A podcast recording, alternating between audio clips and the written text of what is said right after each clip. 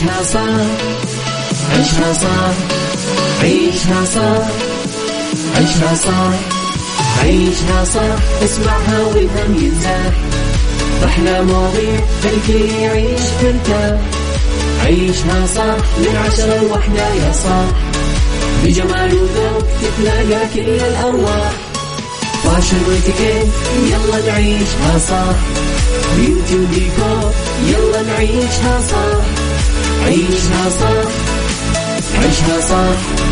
على Mix FM يلا نعيشها صح. الآن عيشها صح على Mix FM. Mix FM هي كلها في ال mix. هي كلها في ال mix.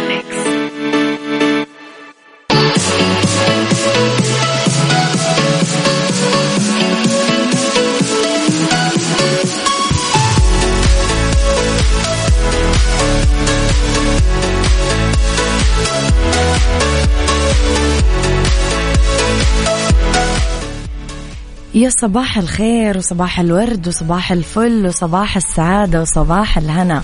صباح راحة البال والأماني المحققة والأشياء الحلوة اللي تستنانا. صباحكم خير وين ما كنتم مستمعيني من وين ما كنتم.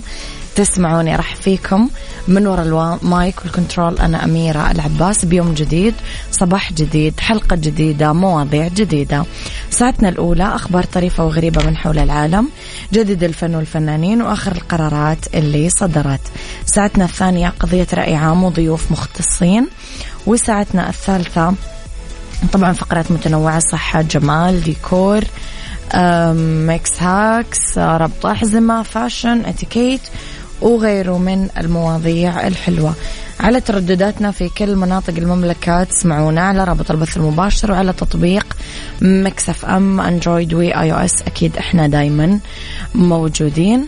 أه تقدرون كمان دايما ترسلوا لي رسائلكم الحلوة على صفر خمسة أربعة ثمانية, ثمانية واحد, واحد سبعة صفر صفر. أه قولوا لي كيف صباحكم كيف بدأتم يومكم؟ إيش أول شيء سويتوه اليوم لما صحيتم أنا أول شيء سويته صراحة قاعد أطفي المنبه. أزود خمس دقائق أزود ربع ساعة. عيشها صح مع أميرة العباس على Mix FM Mix FM هي كلها في ال mix. هي كلها في ال mix.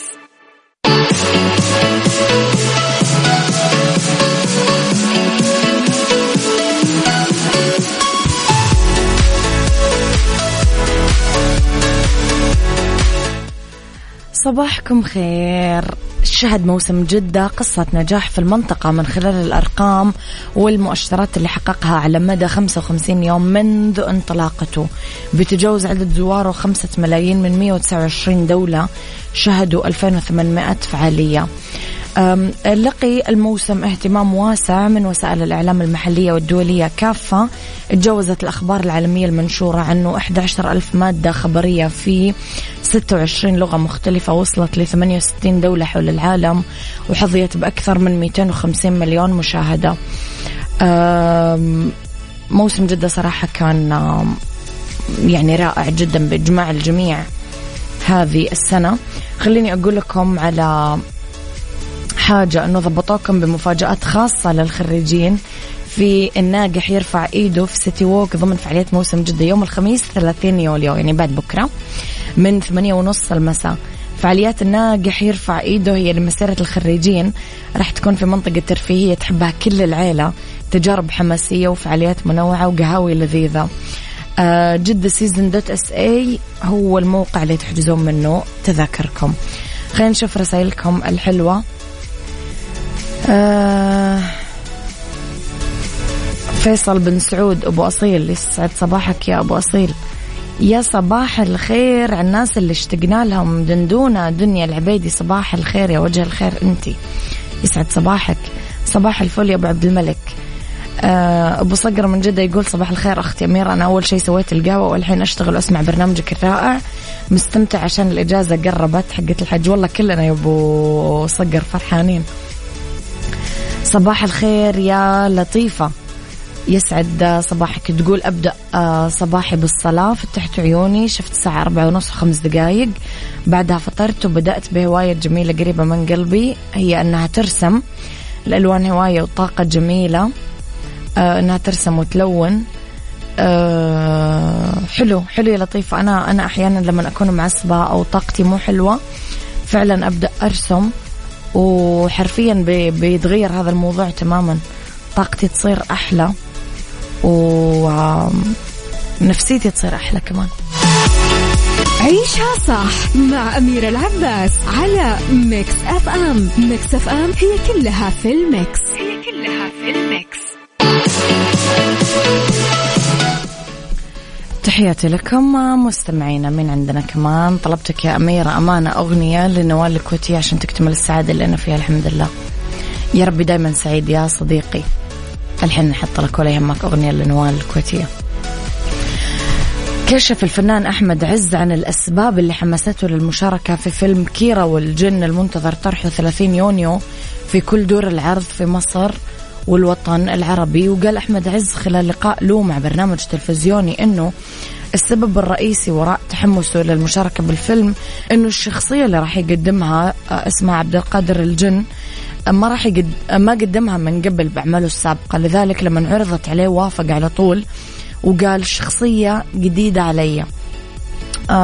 قال في كثير صعاب واجهت فريق العمل خلال تصوير الفيلم. السفر إلى المتجر في طقس طقس بارد كثير تصوير 70% من المشاهد هناك في هذا الطقس بالليل. مو بس كذا كان في صعوبات ثانية. اختيار مواقع التصوير لأنه القصة الرئيسية اللي يناقشها الفيلم تدور في حقبة تاريخية قديمة. كل هذا خلى الموضوع صعب التنفيذ. أعرب أحمد عز عن سعادته بالتعاون مع كريم عبد العزيز هند صبري. المخرج مروان حامد خاصة أنه يعرف تماما إيش آه، حاب يفعل في أي عمل. هم. حمسونا صراحة الكلام كثير عن هذا الفيلم.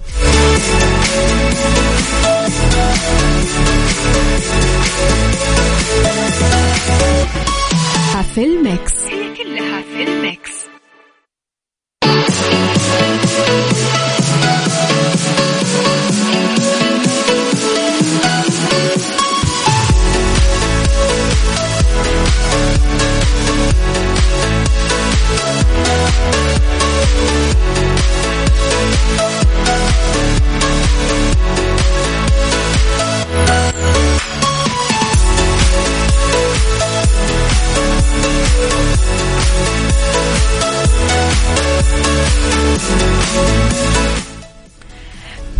أكدت وزارة الصحة أهمية عدم التعرض المستمر لأشعة الشمس هالشيء يعرض الفرد للأمراض الناتجة عن الحرارة المرتفعة حيث أطلقت عبر حسابها في تويتر ومنصتها التوعوية عش بصحة مبادرة صاحب ظلك. تهدف لتعزيز استخدام المظلة للصغار والكبار وترطيب الجسم بهدف التخفيف من أشعة الشمس والوقاية من الحرارة وغيرها من السلوكيات الصحية اللي تحميك بالصيف. نشرت صحة انفوجرافيك توعوي تنبه فيه المواطنين والمقيمين من أضرار التعرض المستمر لأشعة الشمس وما يسببه من أضرار صحية وما ينتج عنه من إصابات. الإجهاد الحراري ضربة الشمس الطفح الحراري حروق الشمس بالإضافة إلى التشنجات الحرارية. انتبهوا. في الطريق ولا بالبيت في الدوام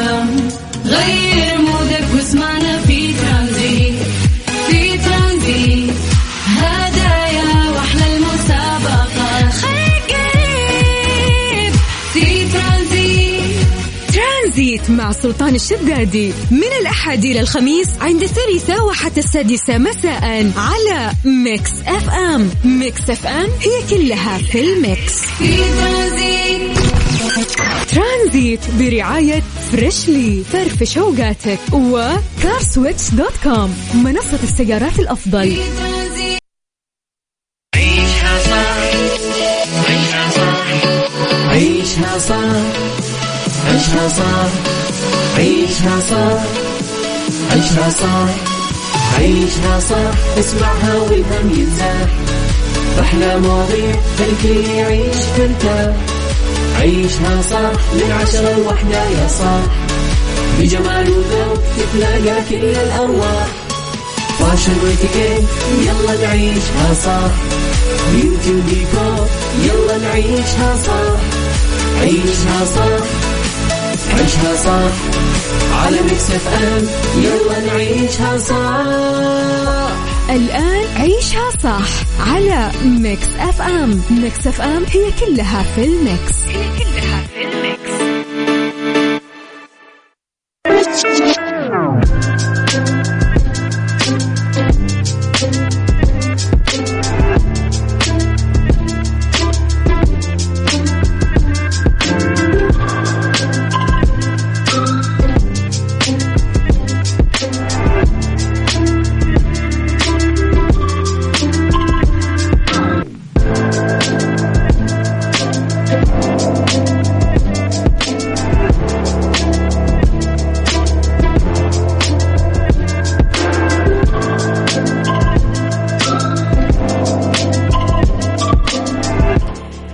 صباح الورد والهنا صباح السعادة صباح الخير صباح الفلاح. تحياتي لكم وين ما كنتم مستمعينا تحياتي لكم من وين ما كنتم تسمعوني في ساعتنا الثانية. أرحب فيكم آه واللي اختلاف الرأي فيها طبعا لا يفسد للود قضية لولا اختلاف الأذواق. لبارة السلع توضع مواضيعنا على الطاولة بالعيوب والمزايا السلبيات والإيجابيات السيئات والحسنات. تكونون أنتم الحكم الأول والأخير بالموضوع.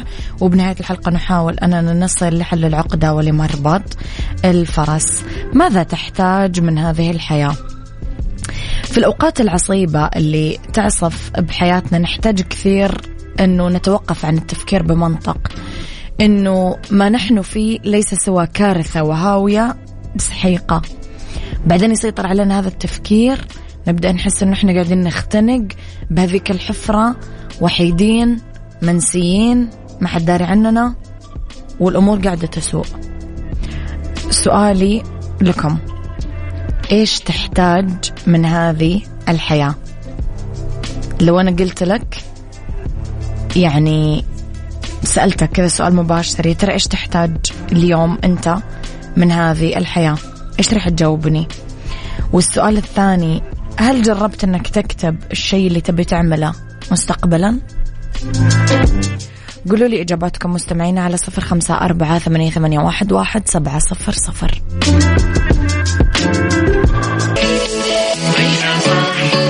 عيشها صح عيشها صح عيشها صح عيشها صح عيشها صح اسمعها والهم ينزاح أحلى مواضيع الكل يعيش ترتاح عيشها صح من عشرة لوحدة يا صاح بجمال وذوق تتلاقى كل الأرواح.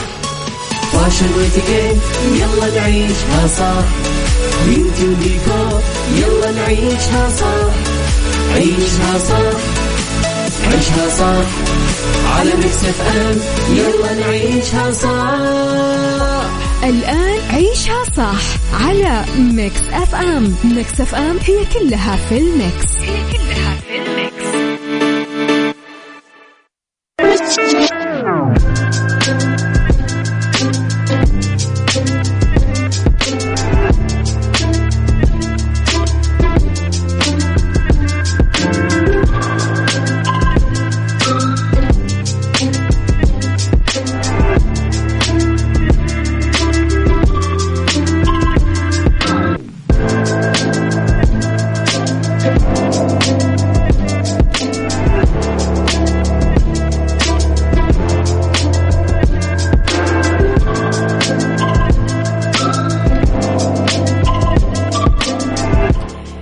صباح الورد والهنا صباح السعادة صباح الخير صباح الفلاح. تحياتي لكم وين ما كنتم مستمعينا تحياتي لكم من وين ما كنتم تسمعوني في ساعتنا الثانية. أرحب فيكم آه واللي اختلاف الرأي فيها طبعا لا يفسد للود قضية لولا اختلاف الأذواق. لبارة السلع توضع مواضيعنا على الطاولة بالعيوب والمزايا السلبيات والإيجابيات السيئات والحسنات. تكونون أنتم الحكم الأول والأخير بالموضوع. وبنهاية الحلقة نحاول أننا نصل لحل العقدة ولمربط الفرس. ماذا تحتاج من هذه الحياة؟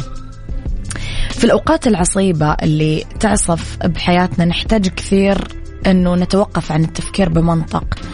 أنه ما نحن فيه ليس سوى كارثة وهاوية بسحيقة بعدين يسيطر علينا هذا التفكير. نبدأ نحس أنه إحنا قاعدين نختنق بهذيك الحفرة.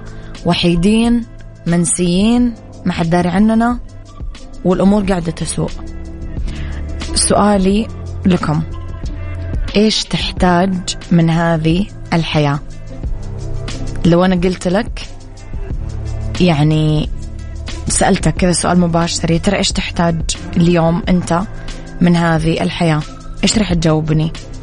والسؤال الثاني هل جربت أنك تكتب الشيء اللي تبي تعمله؟ مستقبلا.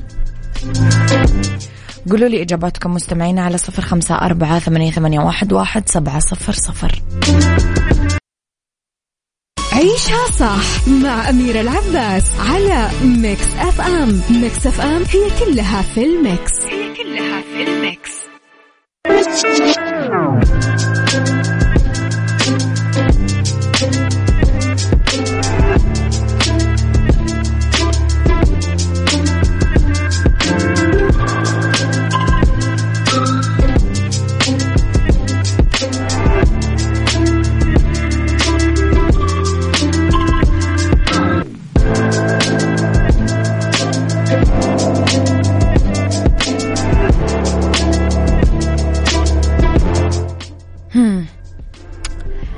كأننا نحس إنه إحنا بكابوس بحفرة لحالنا نسيون الناس.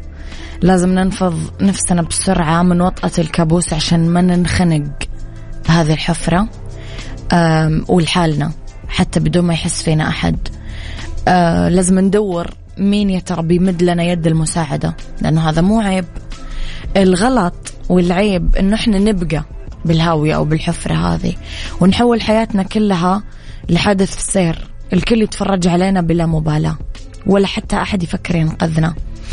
الحياة بعد الأزمة أو في أثناءها يمكن مو سهلة تتأرجح بين الحياة واللا حياة وهذا الاضطراب ما يعطينا جرأة الإجابة عن أي سؤال. ما يسيطر علينا إلا الخوف انعدام الثقة بالنفس وبالناس رغبة بالهروب. بس هذه الحالة لازم ما تبقى للأبد لأنه لابد نصحى في يوم على صباح نلاقي نفسنا في أكثر تماسك وقدرة على النظر بالمراية الجلوس بهدوء ونجاوب على هذه الأسئلة اللي هربنا منها فترة طويلة. خليني أشوف شوي من رسائلكم آه، مستمعينا ونرجع نكمل. أكثر شيء بحياتي أبغى أسويه لازم أدونه حتى الحاجات اللي مخطط أشتريها لازم أعمل دراسة وميزانية ومتى أقدر أشتريها. في العمل السنة الجديدة والشهر والأسبوع واليوم كلهم بالخطط اللي تناسبهم وبكذا تسهل مهمة الإنجاز. سؤال عميق جدا ومتشعب مرة يا أميرة. ممكن تكون حياتنا آه، ممكن تكون احتياجاتنا لحظية أو يومية أو احتياج لمرقدنا الأبدي. عندي أحتاج هدوء وسكينة وأمان داخلي أكثر مما موجود عندي والحمد لله أن اللي عندي كافي. أحتاج من أمور الدنيا أكمل مناسك الإسلام وأذهب لله حاجة. آه أنا أكثر آه أسجل وأكتب أهداف وخطط وهالأمور. كل الاحتياجات والأهداف والأفكار تتسجل عندي بالورقة وأحسب حساب النفس آه والعاطفة لكن ما أحسبها بأرقام وفلوس مع أنه هذا خطأ مش صحيح. الفلوس لها قيمتها الاحتياجية برضو. لكن اكتشفت إلى الآن أني من الناس يكتب احتياجاته سواء نفسي عاطفي مادي عملي واجباتي اتجاه من حولي صحتي صحة أحباب قلبي أولوية عندي ربي لا تريني باس بناسي وأحبابي. صباح الورد أحتاج راحة. أكيد جربت أكتب مستقبلي نفس شعور اللي متعلق بأسانسير يرجع فيلم حياته كله بدقايق ويحس بكتمة وضغط وهذه هي الدنيا. أسأل الله أنه يفرج همك يا صديقي أنت تحديدا. أعرف هذا الإحساس أنا مريت فيه. وزي ما أنت وصفته بالضبط. تحس أنه الدنيا وقفت وشرت حياتك مرقدة أسأل الله أنه يفرج كربك. آه، أبحث عن أدعية تفريج الكرب والهموم وإن شاء الله تعالى يفرج همك في اللحظة اللي حسيت فيها أنه الدنيا بتوقف. اللي قرأوا كتاب كتابها الشهير يتذكرون أنه إليزابيث جيلبرت مؤلفة أشهر الكتب بعد ما اتشافت من أزمة طلاقها جاء هذاك اليوم. اللي صحيت فيه بدري مثل ما كتبت بكتابها. آه فتحت الستاير الثقيلة عن نوافذ غرفتها ونوافذ البيت. آه فتحت النوافذ وتفاجأت بربيع ونور.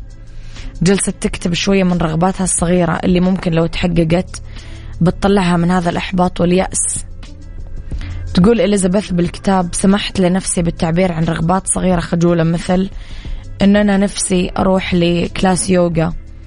أبغى أغادر أي مناسبة ما تعجبني بدري عشان أرجع للبيت وأقرأ رواية أبغى أشتري علبة أقلام جديدة. وعندي رغبة تتكرر دايما أنه ألاقي طريقي للتحقق. أبغى أتعلم الإيطالية. نحتاج أحيانا أنه نعمل الأشياء اللي نحبها بدون ما نعطيها مبرر. المبرر الوحيد هو إحنا عندنا رغبة أنه نعمل هذا الشيء.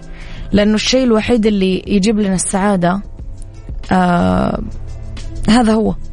خاصة أنه الأمر ما هو قاتل ولا فاضح مثل أنك تتعلم إيطالي. ف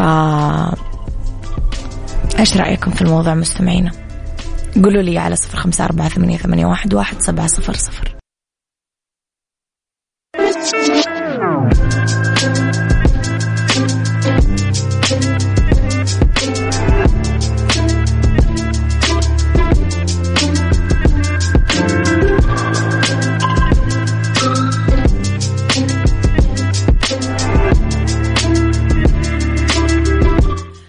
وقع البريد السعودي سبل وشركة Bag Point لتقنية المعلومات والمتخصصة في رقمنة نقل حقائب المسافرين منه إلى جميع مطارات المملكة. مذكرة تفاهم تهدف هذه المذكرة للتعاون بين الطرفين. في مجال تطوير تجربة المسافر من خلال نقل حقائب المسافرين من فروع سبل في المملكة العربية السعودية إلى المطارات وكمان نقل حقائب المسافرين القادمين للمملكة من المطار إلى فروع سبل في كل أنحاء المملكة.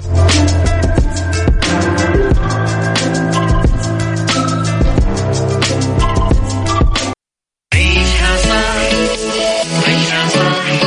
عيشها عيشها صح عيشها صح عيشها صح عيشها صح اسمعها والهم ينزاح أحلى مواضيع الكل يعيش ترتاح عيشها صح من عشرة لوحدة يا صاح بجمال وذوق تتلاقى كل الأرواح. fashion واتيكيت يلا نعيشها صح beauty وديكور يلا نعيشها صح عيشها صح عيشها صح على Mix FM. يلا نعيشها صح الآن عيشها صح على Mix FM. Mix FM هي كلها في ال mix. هي كلها في ال mix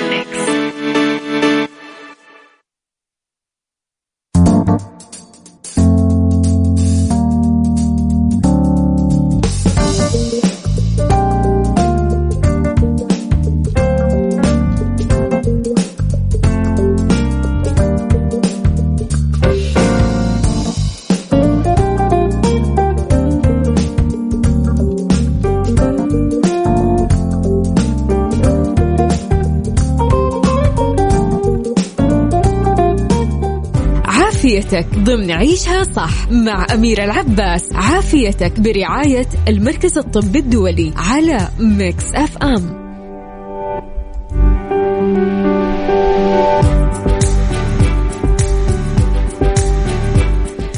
يسعد مساكم مستمعينا وين ما كنتم. تحياتي لكم من وين ما كنتم تسمعوني. أرحب فيكم في أولى ساعات المساء وآخر ساعات عيشها صح ومثل كل يوم ثلاثاء. دايما فقرة عافيتك أكيد معانا برعاية المركز الطبي الدولي. اسمحوا لي اليوم أستضيف آه، في الاستوديو الدكتور أشرف أمير استشاري طب الأسرة من المركز الطبي الدولي. يسعد مساك دكتور. مساء الخير أختي أميرة وأشكر لكم هذه الاستضافة وأرحب بالإخوة والأخوات المستمعين. وأدعو الله سبحانه وتعالى أن يكون هذا اللقاء آه، مثمر ومفيد للجميع. يا رب دكتور نرحب فيك. دكتور مقبلين إحنا أكيد على موسم الحج فاليوم آه، راح نتكلم تحديدا عن عافيتنا في الحج. سؤالي الأول إيش الاستعدادات اللي لازم أي حاج يقوم فيها آه، قبل رحلة الحج فيما يتعلق بصحته؟ نعم. آه، أختي أميرة يعني معروف أنه موسم الحج أو منسك الحج من المناسك العظيمة في حياة آه، كل مسلم. وطبعا لابد أنه يكون في استعداد مسبق لهذه الفريضة وهذه الرحلة الجميلة حتى تتحول إلى رحلة يعني تترك ذكرى جيدة وأثر طيب نعم. في نفس الحاج طبعا آه، الاستعداد لابد يكون في استعداد مسبقة آه، تتمثل في التطعيمات الضرورية وهذه يمكن نقطة بنأكد عليها إيش التطعيمات دكتور؟ التطعيمات عندنا الحمى الشوكية نعم. بالإضافة نعم. إلى الإنفلونزا الموسمية مم. وهذه دائما التطعيمتين تكون متزامنة قبل فترة الحج على الأقل بعشرة أيام لأن نعم. بعد عشرة أيام الجهاز المناعي ما يكون يعني آه يعني وفر الكميات بداية المناسبة. جولاي مثلا دكتور نعم بالضبط مم. نعم وبالتالي نبغى كمية من الأجسام المضادة لتكون متهيئة للتعامل مع المرض لا قدر الله إذا أصيب الحاج بحالة من المحلات أيضا عندنا الكورونا الأيام هذه طبعا لابد من التطعيمات الخاصة بالكورونا حسب اشتراطات وزارة الصحة نعم. الثلاثة جرعات هذه مهمة جدا نعم. فيمكن هذه أول نقطة بعد كذا يعني مراجعة الطبيب يعني قبل الدخول في موسم الحج. لابد أن كل مريض يعاني من أي أمراض مزمنة أو أي أمراض يعني لابد إنه يتعايش معها آه، في فترة الحج بحيث إنه يعني يأمن سلامته. آه، فلا بد من تقييم حالته من قبل الطبيب قبل الحج بفترة أسابيع بسيطة ويتأكد إن السكر والضغط والكوليسترول والأمراض العامة اللي بيعاني منها تحت السيطرة. والشيء الآخر كمان إنه يأخذ كفايته من الأدوية.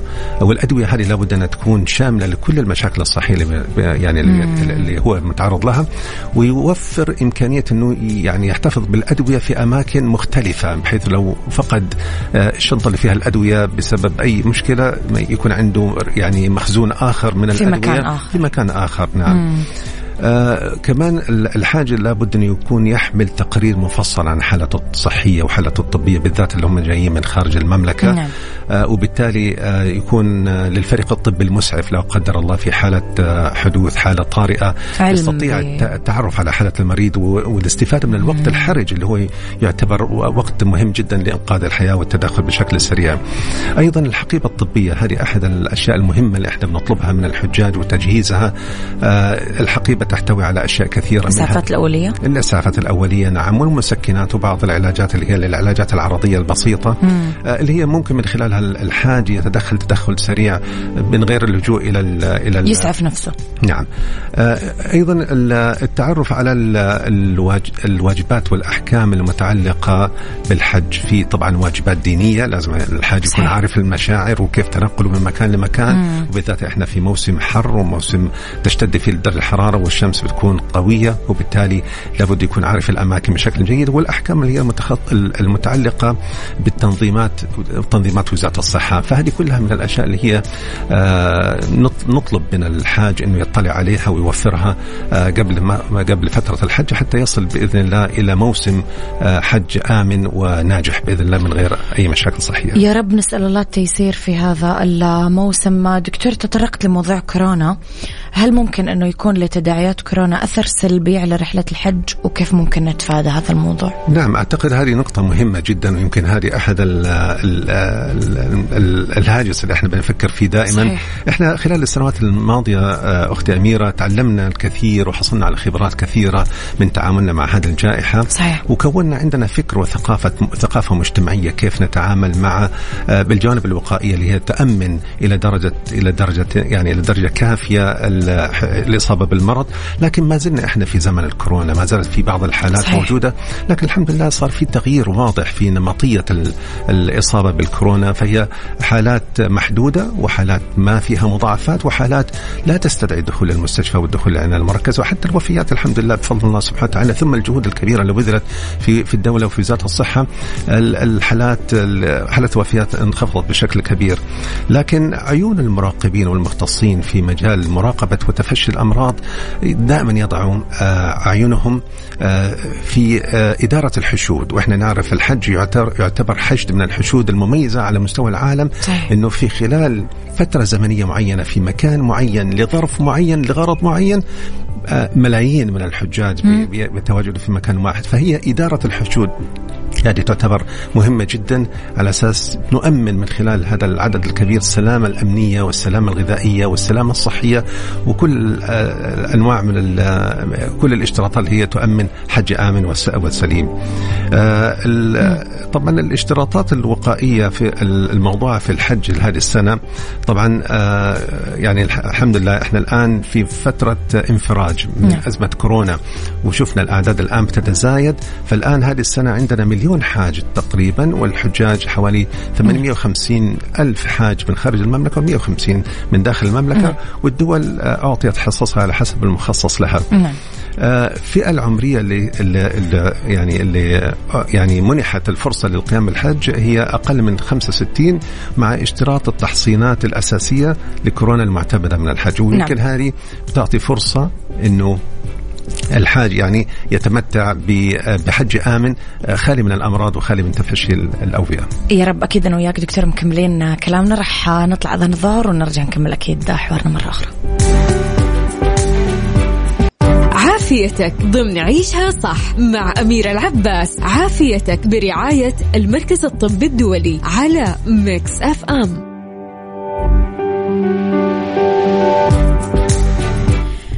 تحياتي لكم مستمعيني تحياتي لي دكتور أشرف أمير استشاري طب الأسرة من المركز الطبي الدولي. آه اللي عنده أي سؤال حابب يطرحه على الدكتور يكتب لي على صفر خمسة أربعة ثمانية, واحد سبعة صفر صفر دكتور كلامك عن كورونا كان مطمئن أمانة فأنت كذا طمنت الناس. الحمد لله. في أي حاجة حابة تضيفها في هذه النقطة؟ لأنه توقفنا عندها آخر شيء. نعم إحنا طبعا في تداعيات للكورونا ولها تأثير سلبي طبعا على الحج وعلى المجتمع. نعم. فإحنا الحمد لله بالرغم من إحنا بدأت الحالات تنخفض وبدأت الوفيات تقل الحمد تقل. لله. الحمد لله دخلنا في مرحلة جديدة من حالة من الاستقرار النفسي والاطمئنان. وإن شاء الله بإذن الله بهذا بهذه الجوانب كلها الإيجابية راح ندخل في موسم حج إن شاء الله ناجح بإذن الله. لكن تبقى النصيحة للحاج في هذا الموسم. هي نفس الإجراءات الوقائية اللي إحنا تعلمناها أثناء كورونا. لابد أنه يعني يلتزم بها الحاج أثناء الحج منها الابتعاد عن الازدحام ويحافظ على التباعد الاجتماعي بنفس الطريقة ونفس الآلية اللي إحنا تعلمناها لبس الكمامات وبالذات والتعلم طريقة الإتيكيت الصحيح للعطس والكحة بحيث أنه يكون في استخدام المناديل واستخدام آه الطرق الصحيحة. النظافة الشخصية مهمة جدا مم. على أساس يحافظ الحاج على آه سلامته من الإصابة بالأمراض المعدية والأوبئة. آه التطعيمات حقت وزارة الصحة طبعا مهمة جدا جدا. لابد من استخدامها وبعدين لو لا قدر الله تعرض الحاج إلى أي مشكلة صحية لابد من التوجه إلى أقرب مراكز صحية وهي منتشرة في المشاعر في كل مكان سواء كانت مراكز رعاية صحية أو مجمعات طبية أو حتى مستشفيات كبيرة. وداخل المخيمات أيضا أختي أميرة موجود هناك بعض الفرق الطبية نعم. وسيارة إسعاف الحمد لله الظروف الأمنية والتجهيزات الأمنية التجهيزات الطبية الحمد لله أصبحت يعني متوفرة بشكل جيد بحيث أن يعني يمكن التعامل مع الحالات الحرجة بشكل سريع وآمن بإذن الله. يمكن دكتور واحدة من إيجابيات كورونا أنه دخلنا في أسلوب حياة كامل lifestyle كاملة. تعلمنا نعقم يدنا تعلمنا نبتعد عن الازدحامات تعلمنا نلبس الكمامة تعلمنا زي ما حضرتك ذكرت نعطس أو نكح بطريقة صحيحة. نعم. فبيصير أسلوب حياة كامل أعتقد على قدام. وأعتقد هذه كمان واحدة من الأشياء اللي إحنا لازم نحافظ عليها كمكتسبات إيجابية. مم. زي ما بنقول كورونا كانت محنة في داخلها منحة منحة صحيح. المنحة هذه الأشياء الإيجابية اللي إحنا تعلمناها في تطبيق الصحة الوقائية. والحفاظ على سلامتنا. وهذا الفكر اللي إحنا نبغى ننطلق فيه في مرحلة ما بعد كورونا عشان تكون جزء من حياتنا. اليومية بحيث نطبق هذه بطريقة تلقائية لا شعورية وتصبح ثقافة في مجتمعنا بشكل يؤمن سلامة مجتمعنا بإذن الله. يا رب دكتور كل يوم قاعدة يعني كل الهر اللي إحنا فيه كل يوم خبراء الأرصاد يقولوا لك لم ندخل فصل الصيف بعد سندخل في فصل الصيف فقاعدة ترتفع درجات الحرارة. فكيف يتعامل الحاج مع درجات الحرارة المرتفعة؟ وما تتأثر صحته ويقدر يتم مناسكه بشكل سليم وصحي نعم. يمكن هذه أحد النقاط المهمة اللي لابد نلقي الضوء عليها بحكم الأجواء الحارة والشمس الحارقة الموجودة. وإحنا لسه أنا في بداية الصيف لسه ما وصلنا إلى مراحل صحيح. متقدمة من فترة الصيف الشديدة الحرارة. فهي يمكن أهم المشاكل الصحية علاقة ارتفاع الحرارة هو الإجهاد الحراري وضربات الشمس. مم. الإجهاد الحراري دائما بسبب فقدان السوائل. فيصير الحاج يصاب بحالة من الإعياء والتعب والفتور ويصاب بحالة من الدوخة كذا وفي نفس الوقت بعض التقلصات والتشنجات العضلية. ضربات الشمس أسوأ بكثير نعم. من الإجهاد لانها تصيب المراكز المسؤولة عن تنظيم درجة الحرارة في الدماغ وتسوي تلف نهائي كامل غير قابل للعودة من جديد وبالتالي يدخل المريض لا قدر الله أو الحاج إلى إلى إلى مرحلة متطورة يحتاج إلى عناية مركزة لإنقاذ حياته، لكن في كل الأحوال كيف ما كانت الأوضاع شرب السوائل مهم جدا وهذه نصيحة اوجهها لكل الحجاج في هذه الفترة وحتى العاملين في مجال في مجال تقديم الخدمات للحجاج لابد أن يهتموا بهذا الجانب لأنه النصيحة ليست فقط للحاج كل آه، كل من يتواجد على أرض المشاعر من مقدمين خدمه وحتى الحجاج شرب السوائل بكميات كافية سواء الماء والعصيرات من فترة وفترة ولا ولا يكون هناك فترة انقطاع عن تناول هذه السوائل. النقطة المهمة كمان أختي أميرة يعني هذه واحدة من الأوبزرفيشنز أو واحدة من الملاحظات أنا عشت في الحج أكثر من 11 سنة كنت يعني فعارف المشاكل نعم. آه، فعملية الإجهاد كثير من الحجاج يتعنوا الإجهاد والمشقة لكسب الأجر والثواب وهذه خطأ.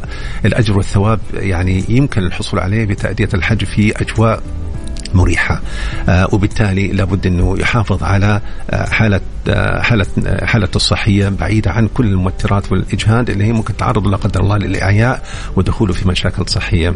أيضا عدم التعرض لأشعة الشمس المباشرة قدر الإمكان في أماكن مظللة والآن توفرت عندنا بنشوفها في المشاعر رذاذ المياه والأماكن المرطبة والأماكن اللي فيها صحيح. مكيفات خارجية. أيضا بين كل شعيرة وشعيرة وكل منسك من المناسك لابد من الراحة لأن الراحة هذه تعطي فرصة لجميع أعضاء الجسم لحالة من السكون وال... والاسترخاء وبالتالي يكتسب الطاقة اللي من خلالها تمد هذه هذه فترة الراحة البسيطة إلى القيام ببقية المناسك على حسب ما هو مطلوب. الملابس القطنية والفضفاضة مهمة جدا وبالذات بعد فك الإحرام على أساس الأجواء الحارة هذه الملابس الضيقة أو الملابس الأقمشة الأقمشة اللي هي ما ما بتعطي نايلون. التهوية الجيدة للجسم بسبب نوع من أنواع الاحتباس الحراري الحاجة إلى دخول في الإعياء بسبب فقدان سوائل والعرق الكثير. استخدام المظلات مهم جدا م. أيضا. ومو أي مظلات المظلات بالألوان الفاتحة اللي هي عاكسة لأشعة الشمس. وبالتالي تعطي حماية للحاج من التعرض المباشر لأشعة الشمس، لكن لازم نعرف إنه أشعة الشمس ممكن تكون مباشرة وممكن تكون غير مباشرة عن طريق الانعكاسات، أشعة الشمس على الأرض أو على الأسطح بترتد مرة ثانية للجسم صحيح. وبالتالي بتعطي الإحساس بالإجهاد الحراري، فهي في كل الأحوال الابتعاد عن الأماكن الحارة والابتعاد عن الأماكن قليلة التهوية والابتعاد عن الأماكن المعرضة فيها الحاج اللي بيتعرض فيها للشمس بشكل مباشر. دكتور في أدوية معينة أو مستلزمات لازم الحاج ياخذها معاه برحلة الحج آه، طبعا. يعني ادويه معينه بالأسم. طبعا يعني إحنا إحنا يمكن أهم فئة عندنا هي الفئة المعرضة م. للخطر اللي هم مرضى الأمراض المزمنة.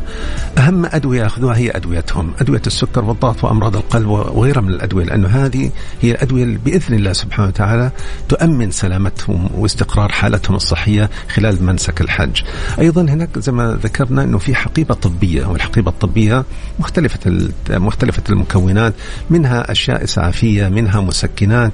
منها مرطبات لأنه إحنا عارفين جو الجو الحار بيكون في جفاف في البشرة صحيح. وبالتالي لابد من استخدام المرطبات وعادة بنشوف في تسلخات عند صحيح. الحجاج بسبب صحيح. الحرارة بسبب الرطوبة ولبس الإحرام ولبس الإحرام نعم وبالتالي لابد من يعني توفر كريمات واقية للتسلخ وحتى كريمات واقية للشمس كمان ممكن نستخدمها عشان نخفف من حدة تأثير الشمس آه، على على البشرة حبوب المضادة للإسهال والمغص لأنه هذه المشاكل الصحية أو الأعراض اللي كثير من الحجاج ممكن يتعرضوا لها.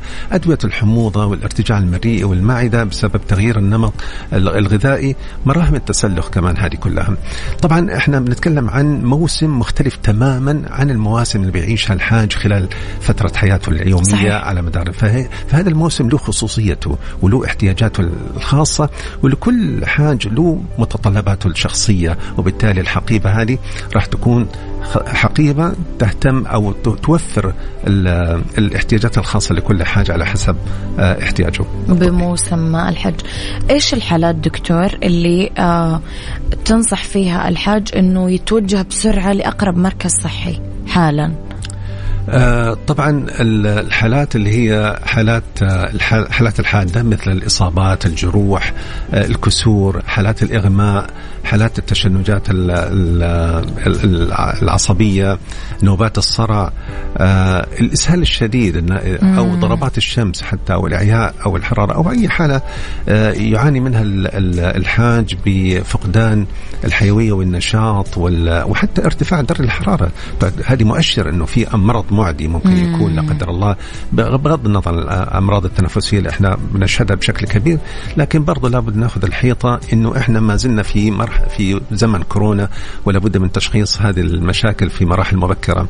آه، مضاعفات الأمراض المزمنة كمان هذه تستدعي آه، وصول الحاجة إلى مراكز تقديم الخدمات الطبية. لو في لا قدر الله ذبحات صدرية أو آه، ذبحات قلبية أو تجلطات أو حتى الغيبوبة السكرية أو ازمات الربوبيه الحادة هذه كلها من المشاكل اللي ممكن يتعرض لها الحاج بحكم طبيعة المشكلة الصحية اللي عنده قد تظهر في صورة مضاعفات بسبب الحاج أجهد نفسه أو ما تناول أدويته بشكل كافي أو ما هي لنفسه الحماية الكافية من دخوله في مضاعفات هذه المشاكل الصحية خلال هذا الموسم. يبقى يمكن دكتور ال ال كل مريض أو كل أحد بيعدي بعوارض صحية بشكل مستمر هو عارف هو إيش عنده. يعني مثلا اللي بتجي دائما حموضة خلاص هو عارف إنه دواء الحموضه لازم يكون معاه اللي بيجي اسهال بشكل مستمر أو مشاكل في الجهاز الهضمي وهكذا أنا أقصد نعم. إنه نعم. كل أحد عارف هو معرض لإيش بشكل دائم نعم. يعني. لكل لكل فرد له طبيعته الخاصة وله نمطيته الخاصة به من المشاكل الصحية وبالتالي لابد من تهيئة كل الأدوية والمستلزمات الخاصة بهذا على أساس ما زي السفر لما بنسافر في الخارج لابد إن ناخذ معنا أدويتنا واشيائنا الخاصة بنفس الطريقة موسم الحج يتطلب نفس المطلب هذا صحيح Mix FM انت تستمع إلى Mix F M Mix FM it's all in the mix دكتور آه، الفئة المهمة جدا أنت تطرقت لها قبل قليل أصحاب الأمراض المزمنة سكري ضغط أمراض القلب وغيره. الحجاج من أصحاب هذه الأمراض إيش يتوجب عليهم لإتمام رحلة الحج بأمان؟ طبعا آه، مرضى الأمراض المزمنة هذول يعتبروا فئة خاصة من الحجاج نعم. ولهم اشتراطات ولهم متطلبات خاصة وحتى يحتاجوا منا كاطباء رعاية خاصة. آه لأنهم لهم احتياجات طبية معينة لأنه وجود الأمراض المزمنة هذه بتضاعف من مناعتهم وتأهلهم لا قدر الله للإصابة بكثير من المشاكل الصحية أو الإجهاد أو الإعياء أو دخولهم حتى في مضاعفات آه صحية ناتجة عن آه عدم التحكم الجيد بهذه المشاكل الصحية فهم عرضة للخطر حقيقة. آه، طبعا نصيحتي لمرضى الأمراض المزمنة إذا كان سكري أو ضغط أو غيره مراقبة الضغط والسكري حتى أثناء الحج في المخيمات في فرق طبية. وأنا أنصح كل مريض سكري وكل مريض ضغط ياخذ الجهاز السكر وجهاز قياس الضغط كجزء من الحقيبة الطبية المفترض يحصل عليها يهتم بالنمط الغذائي لأنه فترة الحج بتتغير كل النمطيات السلوكيات حتى الغذائية والنوم. فالنمط الغذائي كمان لازم يكون يراعي في إنه مريض سكري ما يكثر أو يفرط في الوجبات اللي فيها كميات كبيرة من المواد الكربوهيدراتية أو السكريات، مريض الضغط كمان لا يفرط في تناول الأشياء اللي فيها أشياء مالحة كثيرة أو فيها مواد دسمة كثيرة، فيمشي على نفس النمط الغذائي المطلوب منه في الأيام العادية حتى يحافظ على سلامته، النشاط الحركي جدا مهم مم. أيضا. آه، قلة الحركة قد تؤدي إلى ظهور مشاكل وكثرة الحركة كمان في غير وقتها في غير حينها أو بشكل مفرط برضو تؤدي إلى مشاكل صحية لكن كل مريض عنده سكر أو عنده أمراض مزمنة لازم يكون عارف إيش هي علامات الخطر أو علامات المب... اللي بتؤد... اللي بتعطي الإيحاء أو مؤشر إنه في مشكلة منها الصداع منها الزغلله منها ألام في الصدر منها تنميل, تنميل. أو أشياء كثيرة كذا. هذه كلها علامات الخطر لابد أنه آه يعني يدركها بشكل بشكل مبكر. أيضا آه تعاطي الأدوية في أوقاتها بنفس الطريقة. وإحنا طبعا خلال من خلال العيادات إحنا بنهيئ المريض السكري إنه يتحكم بشكل تلقائي وبشكل ذاتي بجرعات الأدوية حقته بالذات إذا كان بياخذ إنسولين يزود أو ينقص على حسب آه، قراءات الإنسولين ونفس نفس الشيء بالنسبة لمريض الضغط. وبالتالي هذه كلها تجعل من المريض طبيب نفسه خلال هذا الموسم. وبالتالي قد لا يحتاج في بعض الأحيان إذا كانت حالته مستقرة وتحتاج إلى قليل من العناية يعتمد على نفسه بشكل تلقائي. لكن إذا تدهورت الحالة فلا بد إنه يصل بشكل سريع وفوري دغري إلى الطبيب أو المركز الصحي أو المنشأة الطبية. طبعا أنا أنصح الجميع بالنسبة للأمراض المزمنة عدم الإرهاق وعدم التعرض للشمس وأنهم يأخذوا ادويتها الأدوية بشكل منتظم, منتظم وبالتوزيع الصحيحة وبإذن الله بهذه الإجراءات وبهذه الاشتراطات نصل إن شاء الله إلى آه، تمتع الحاج اللي هو عنده أمراض مزمنة بحج يعني سلس ومريح بإذن الله خالي من أي مضاعفات. بإذن الله دكتور تكلمنا عن زيارة الطبيب قبل ما نروح لموسم الحج، تكلمنا عن الإجراءات الوقائية اللي ممكن يلتزم فيها الشخص، وتكلمنا عن زيارة الطبيب حتى خلال الحج إذا احتاج الأمر، الحين نروح لبعد ما بعد فترة الحج، هل يحتاج الحاج يزور الطبيب أول ما يرجع من الحج؟ طبعا إحنا نعرف إنه موسم الحج يعني دائما آه، مرتبط بكثير من الإجهاد والإعياء وهي الرحله الحج مهما كانت ميسرة وفيها كثير من الإمكانيات فيها مشقة شوي. فيها مشقه. والمشقة هذه بتضعف مناعة الحاج وكثير من الحجاج احتكاك بالناس يمكن نعم نعم والتعرض لهذا الكم الهائل من الناس بجميع فئاتهم بجميع مشاكلهم الصحية.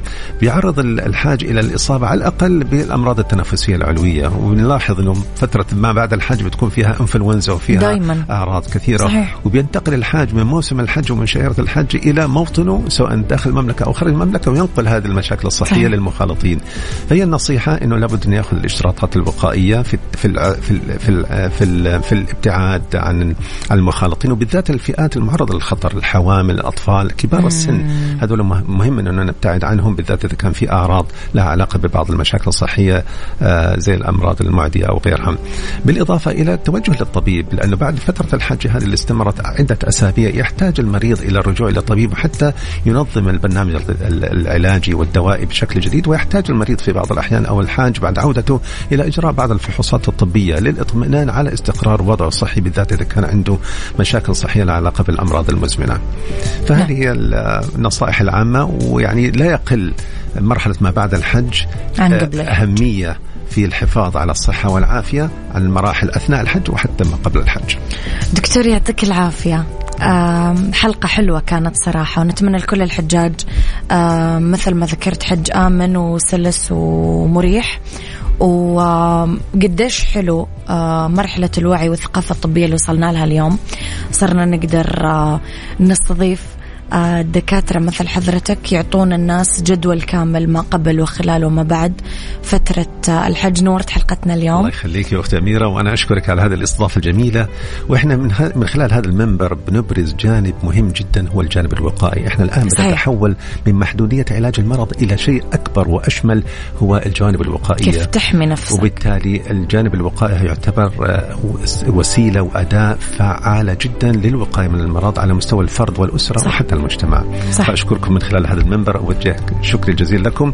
وأتمنى لكل الحجاج حج آمن وسل ويعني ومريح بإذن الله وخالي من المشاكل والمضاعفات. يا رب دكتور نورت حلقتنا يعطيك ألف عافية. إذن الدكتور أشرف أمير استشاري طب الأسرة من المركز الطبي الدولي في فقرة عافيتك برعاية المركز الطبي الدولي أكيد كل يوم ثلاثاء تحياتي لكم.